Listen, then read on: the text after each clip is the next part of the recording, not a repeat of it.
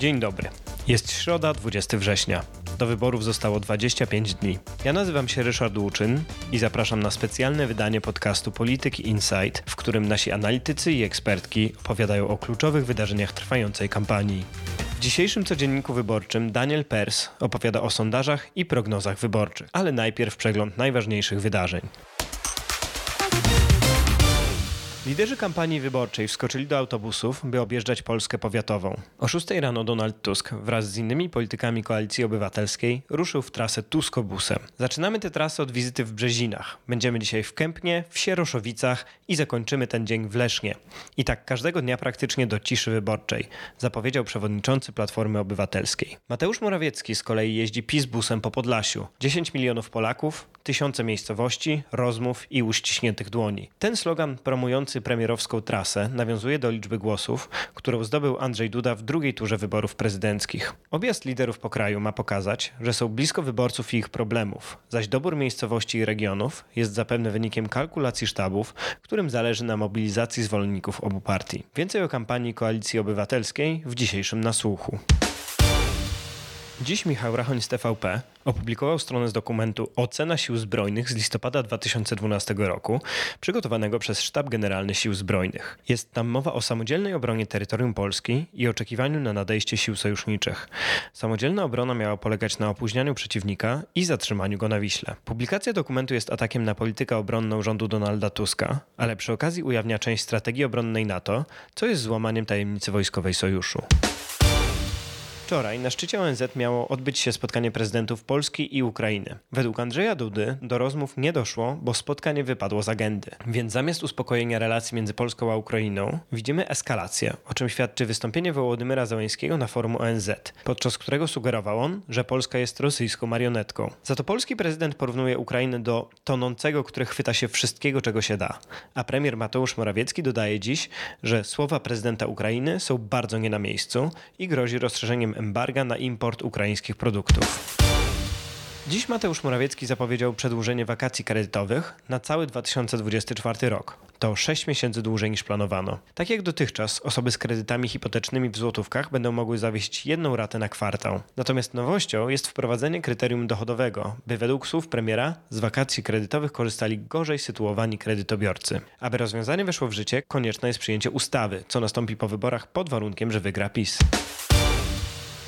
Za zakłócenie wczorajszego wiecu Mateusza Morawieckiego policja zatrzymała posłankę Koalicji Obywatelskiej Kingę Gajewską. Opozycja zarzuca funkcjonariuszom, że doprowadzili polityczkę do radiowozu i wylegitymowali, mimo że ona i otaczający ją ludzie informowali, że jest posłanką. Wydarzenie było głównym tematem wczorajszego wieczora na portalach X i Facebook. Według badań IBIMS zasięg wpisów związanych z tematem policja wyniósł od wczoraj 51 milionów, a zasięg tweetów powiązanych z nazwiskiem Kingi Gajewskiej 29 milionów. Ze mną jest Daniel Pers, analityk sondaży, autor prognoz wyborczych i twórca profilu Pers Election. Dzień dobry, cześć. Cześć, witam cię. Zacznijmy od podstaw. Na ile w tym momencie szacujesz poparcie dla poszczególnych komitetów i frekwencję wyborczą? To jest kwestia tak naprawdę złożona. Mamy w tej chwili bardzo duży rozstrzał sondażowy, gdzieś tam właśnie prognozy, które mają wiarygodne modele i fundamenty pomagają nam przebrnąć przez ten taki sondażowy szum. Ogólnie, jeżeli popatrzeć na twarde dane i przepuścić się przez model, z którego my korzystamy. Taki model, który koryguje sondaże o nadreprezentację i niedoszacowania elektoratów w każdym z pomiarów dla każdej pracowni. No to ogólny taki obraz, który z tego się wyłania w tej chwili, to um, wskazuje, że Prawo i Sprawiedliwość mogłoby liczyć na poparcie w przedziale 35 do 36,5%. Przy frekwencji sondażowej wyborczej w wyborach do parlamentu w okolicach 56 do 58%. Tuż za PiSem oczywiście znalazłoby się KO, Koalicja Obywatelska. To jest raczej stabilna sytuacja powyżej 30% poparcia przy tej frekwencji 56-58. W ostatniej prognozie, którą wypuściliśmy dokładnie, PiS ma 35-96, Platforma ma 31,82. No i wielka bitwa o trzecie miejsce, bitwa trzeciej drogi o trzecie miejsce, można by powiedzieć. Trzecia droga w tej chwili dokładnie idzie na, to jest, to jest walka na żyletki pomiędzy nią a Konfederacją. Po poprzedniej prognozie, która wyszła w raporcie dla Onet, trzecia droga była na miejscu czwartym z poparciem rzędu 10,6 setnych procenta, e, delikatnie wyprzedzona przez konfederatów poparciem na poziomie 10 i 22 setnych. Dosłownie wczoraj przeliczałem jeszcze dane i tutaj mogę zdradzić, ponieważ jeszcze one nie, nie poszły, można powiedzieć, w świat, natomiast na tę chwilę te dwa komitety by się zamieniły miejscami. W tym momencie trzecia droga utrzymuje swoje poparcie dosłownie tuż nad 10%. Konfederacja E, jest e, tuż, e, tuż pod. No i dalej jest komitet, nad którym można by się długo rozwodzić, rekordowo chyba w tej kampanii i to jest oczywiście lewica. No i tutaj sytuacja wygląda trochę pesymistycznie, mimo tego, że lewica miała taki moment fajnego kursu zorientowanego na takie e, voters issues, czyli na takie kwestie dosłownie, które interesują w tej chwili elektorat lewicy, który ona ma, elektorat centrum, który byłby skłonny zainteresować się głosowaniem na lewicę, ale także jest elektorat, który Prawo i Sprawiedliwość e, lewicy pamiętamy, odebrało. Kończy się to w ten sposób, że w tej chwili poparcie lewicy dobija według modelu do 8%, ale tak niepewnie. Wspomniałeś o szumie sondażowym. To jest coś, co myślę dla naszych słuchaczy jest bardzo interesujące. Na ile możesz powiedzieć, które badania uznajesz za szum, a którym ufasz? Niezależnie od tego, jakie jest poparcie danej partii, w tym przypadku przede wszystkim chodzi o PiS, przy każdych wyborach w każdym roku wyborczym, niewyborczym, sondaże pozostają w pewnych relacjach do siebie. Takie sondaże jak Estymator, Cebos już na etapie deklarowanego poparcia raczej wróżą i wieszczą wyższe noty dla Prawa i Sprawiedliwości. Niżej jest Polster, jeszcze niżej e, jest Ibris i jeszcze niżej jest Kantar dla TVN, który chociażby ostatnio wyszedł. I teraz to jest kwestia tego typu, że przed ostatnimi wyborami parlamentarnymi, jak sobie otworzymy sondaże, które wychodziły wtedy i popatrzymy po pracowniach, gdzie w tej chwili są sondaże względem samych siebie w 2019 2019 roku, to po sierpniu zdarzyło się coś dziwnego, dlatego że jakby popatrzeć na ostatni kantar, to te 37% w deklarowanym poparciu, ponieważ przypominam, tam są jeszcze niezdecydowani, których odsetek też urósł ogólnie po powrocie z wakacji, to nie tylko w kantarze. To na przykład kantar stoi 3 punkty procentowe od swojej ostatniej estymacji przed wyborami parlamentarnymi. 3 punkty procentowe, więc gdyby odnieść to do wyborów, no to byśmy mówili o tym, że PiS ma w tej chwili 40%. 40,5. Natomiast estymator, który przeszacował Prawo i Sprawiedliwość o 4 punkty procentowe w ostatnich wyborach, w ostatnim pomiarze e, opublikował poparcie PiSu rzędu 36,6%. To jest pod kantarem i co ciekawsze, 11 punktów pod swoim ostatnim badaniem przed wyborami. Czyli estymator w tym momencie, który ma tendencję do, do nadreprezentacji elektoratu PiS, wróży olbrzymią erozję a Kantar się z tym nie zgadza. Kantar, który raczej ma tendencję do tego, żeby PiS minimalnie, ale dosłownie mikroskopijnie nie doszacowywać. No i potem jest jeszcze Ibris i tutaj znowu e, od wyników ostatnich sondaży tamtych e, Ibrisów e, tuż dosłownie na dni przed ciszą wyborczą, tam wychodziło deklarowane poparcie rzędu 42-42,5%. No to jeżeli w tym momencie mamy 32,5, to jest 10 w dół. I w tym momencie jest to kwestia właśnie tej takiej destabilizacji i kolizji, o której ja mówię, sondażowej. I tutaj pojawia się moja hipoteza co do tego, że zwyczajnie Kantar e, przy następnej aktualizacji, być może jeszcze w tym tygodniu, no spuszczać troszeczkę spisu, bo już były takie sondaże i że zdarzały się takie momenty, że niektóre pracownie troszeczkę e, po tym, jak już zjeżdżały, trochę jak na notowaniach giełdowych, jak spółka troszkę za mocno, za mocno spadnie albo za mocno wzrośnie, to przychodzi korekta.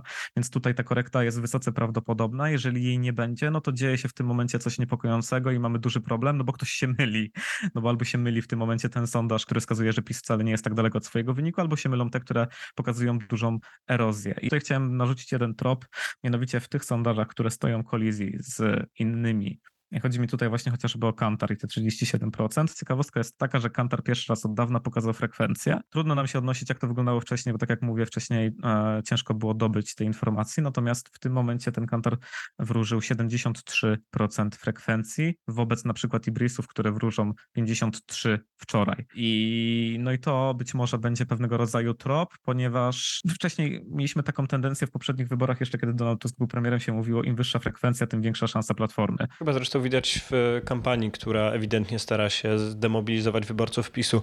Bardzo krótko, mm, jakie są przede wszystkim według Ciebie mm, podstawowe powody różnic między tymi sondażami? To jest bardziej kwestia doboru próby, sposobu zadawania pytań o poszczególne komitety? To jest bardzo dobre pytanie, dlatego że musielibyśmy się przyjrzeć każdemu e, z tych badań, spojrzeć na to, jak pyta się o poszczególne komitety dokładnie z nazwy i czy to e, zbiega się z tym, co mamy w Państwowej Komisji Wyborczej. Trzeba by zajrzeć do tego, jak wyglądała sama ta próba. Do takich danych niestety nie mamy dostępu. Ja tutaj bardzo lubuję e, motyw amerykański amerykański, gdzie każdy sondaż wypuszcza te takie cross tables, tabele, w których widzimy dokładnie e, nie tylko ile osób głosowało z poszczególnych tam regionów, e, wielkości miejscowości, wieku i tak dalej, wyglądały nawet preferencje tam. Popieram ten postulat. Dzięki temu moglibyśmy też popatrzeć e, w tych wszystkich badaniach, gdzie są ci niezdecydowani, a ja bardzo często no, gdzieś tam puszczam wskazówki co do tego, gdzie oni leżą i dlaczego nie jestem zwolennikiem wliczania ich proporcjonalnie. Ale jest jeszcze jeden członek e, mojego zespołu, tak zwrócił uwagę na, na jeszcze dodatkową kwestię. Mamy w tych wyborach referendum. Pytanie jest e, też o kwestię wyjściową, czyli jak ankieter w ogóle pyta, czy weźmie pan pani udział w wyborach. E, o to, czy pyta, czy weźmie pan pani udział w wyborach parlamentarnych, do Sejmu, do Sejmu i Senatu, w wyborach i referendum, no to, jest, to, są, takie, to są takie technikalia, które, które mogą gdzieś tam zachwiać obrazem sytuacji. Wspomniałeś już o mm, kwestii demobilizacji, jaka dotknęła grupę bardzo istotną dla PiSu wyborców e, z regionów wiejskich, trochę starszych. E, oczywiście jest też kwestia e, tak covidowa zmniejszenia liczby tych starszych wyborców, ale często właśnie w kontekście wyborów mówi się o tym, że o zwycięstwie zwycięstwie zdecyduje ta albo tamta grupa, młodzi, emeryci, kobiety. I jak się coś takiego mówi, to ja zakładam, że to jest dyskusja o grupach, które albo są mocno jeszcze niezdecydowane, albo są niezmobilizowane, a możliwe do zmobilizowania, albo przeciwnie, łatwe do demobilizacji. I tutaj wskazałeś już te grupy, o których wspomniałem, a czy widzisz jeszcze jakieś takie kluczowe grupy, które e, właśnie mieszczą się w tych kategoriach, o których wspomniałem? Albo niezdecydowane, albo możliwe do zmobilizowania, albo łatwe do zdemobilizowania? skupiamy się zawsze na pretendencie. W tym wypadku jest to KO, co droga i lewica. Jak będzie to PiS, będziemy skupiali się na PiSie. Ja bym powiedział, że są trzy takie klucze do większości sejmowej, taka ścieżka do większości w trzech punktach. Po pierwsze, to jest kwestia rozkładu tej mobilizacji, rozkładu tej frekwencji ze względu na miejscowość. Jeżeli po lewej stronie wykresu miejscowimy wsie, i przejdziemy, im, im, im bardziej w prawo, tym większy środek miejski, na prawym końcu metropolię. Dla opozycji kluczowym jest to, żeby ta krzywa, którą możemy na tych słupkach narysować, e, żeby ona była przechylona w prawo, czyli żeby ona rosła dosyć wyraźnie wraz z rozmiarem miejscowości.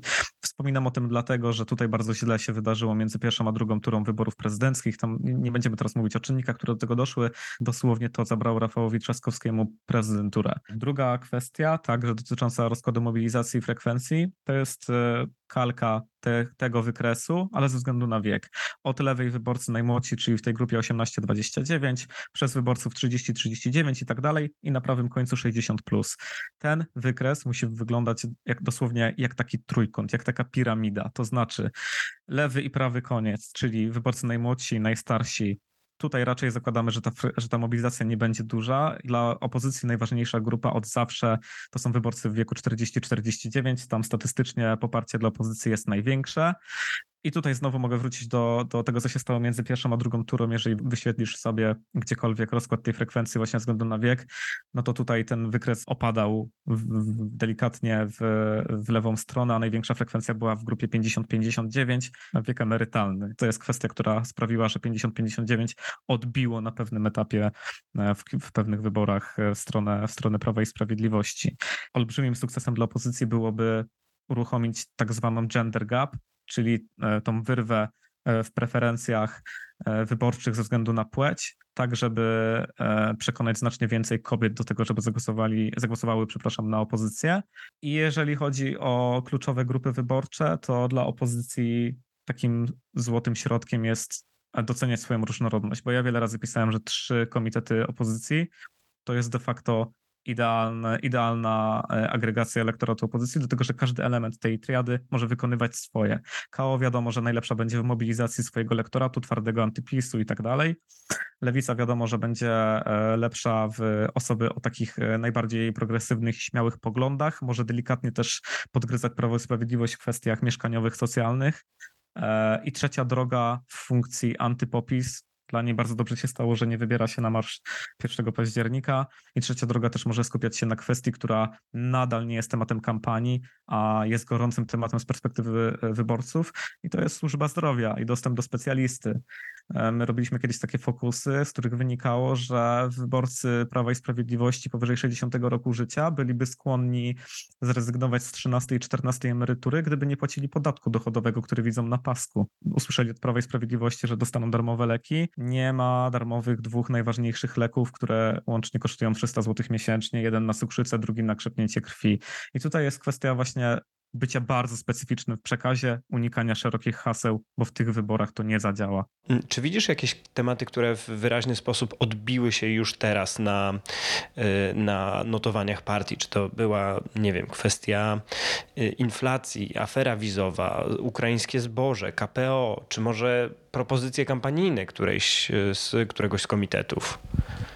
Groźnym momentem dla koalicji obywatelskiej było babciowa, ja o tym mówiłem. Koalicja budowała słusznie przekaz oparty na gospodarce i portfelu Polaka od jesieni 2000, de facto od początku, jak Tusk wrócił, ale, skupi, ale taką najmocniejszą ofensywę miała w 2022 roku pod koniec, kiedy mieliśmy też szczyt inflacji. Wtedy politycy Platformy wiele razy powtarzali, że przecież budżet jest w tarapatach, że przecież te wydatki socjalne są bardzo, bardzo, bardzo duże, że to to rozdawnictwo doprowadziło do inflacji. No i w tym momencie, jeżeli polityk opozycji wychodzi i mówi o tym, że trzeba wręczyć babciowe, no to wysyła sygnał, że wszystko, co mówił 5 minut temu, jest albo nieaktualne, albo nieprawdziwe. No to jest dużo znaków zapytania i to się w tym momencie kłóci. Już pomijając, że jest to niezgodne z core wyborczym Platformy, które jest, dla, dla którego, i to też badaliśmy, to, to było po prostu niezrozumiałe i nadal jest niezrozumiałe. E, pytasz o takie kwestie, które zatrzęsły i, i mogą zatrząść. No PiS w tym momencie, jeżeli popatrzymy na sondaże, do dzisiaj odpowiada za to, co się stało przy kryzysie aborcyjnym do dzisiaj. Na żadnym z etapów to poparcie nie, nie wróciło na tamte poziomy i, i zresztą ta mobilizacja, która się wtedy uruchomiła, e, jest to jeden z powodów, dla których ja uważam, że, że opozycja robi błąd, zwyczajnie nie przypominając o stanie faktycznym, dlatego że wyborcy mają znacznie, znacznie krótszą pamięć niż się wielu wydaje. I to jest odpowiedzialność opozycji i potem mediów, ale za sprawą opozycji, która narzuca tematy w kampanii, żeby wybierać takie, takie boiska, na których się czuje wygodnie. Pytasz o takie kwestie, które mogą e, zadziałać. No ja tutaj jest dużo opinii na ten temat i dużo takich e, fejków wpuszczanych e, ze strony samego PiSu, że afera wizowa im tylko pomaga, dlatego że wpuszcza właśnie piłkę na boisko, które jest teoretycznie dla nich przychylne. Ja tego nie kupuję, i uważam, że to jest y, największa szansa opozycji z jednej prostej przyczyny. Dlatego, że to PiS wybrało to boisko i na tym zbudowało całą swoją kampanię. Bezpieczna przyszłość Polaków.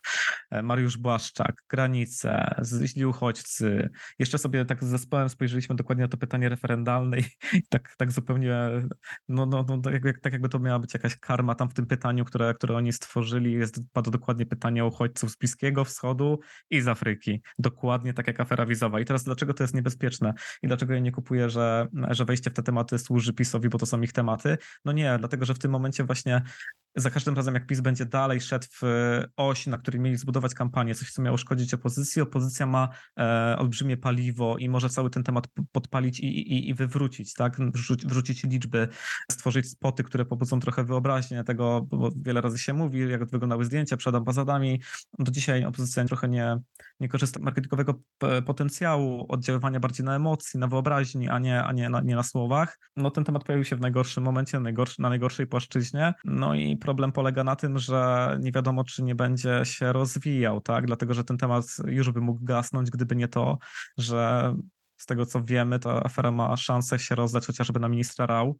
I tutaj pojawia się problem tego, że minister Rał jest jedynką Prawej Sprawiedliwości w okręgu i nagle PiS ta, jakby wpada w takie kleszcze, w której musi i nie może usunąć ministra Rał. Na tym zakończymy. Bardzo Ci dziękuję za rozmowę. Dzięki Ci bardzo to wszystko, a na kolejny odcinek zapraszam już jutro. Posłuchajcie również innych audycji Polityki Insight, które znajdziecie w najważniejszych serwisach podcastowych i Radiu Tok FM. Do usłyszenia.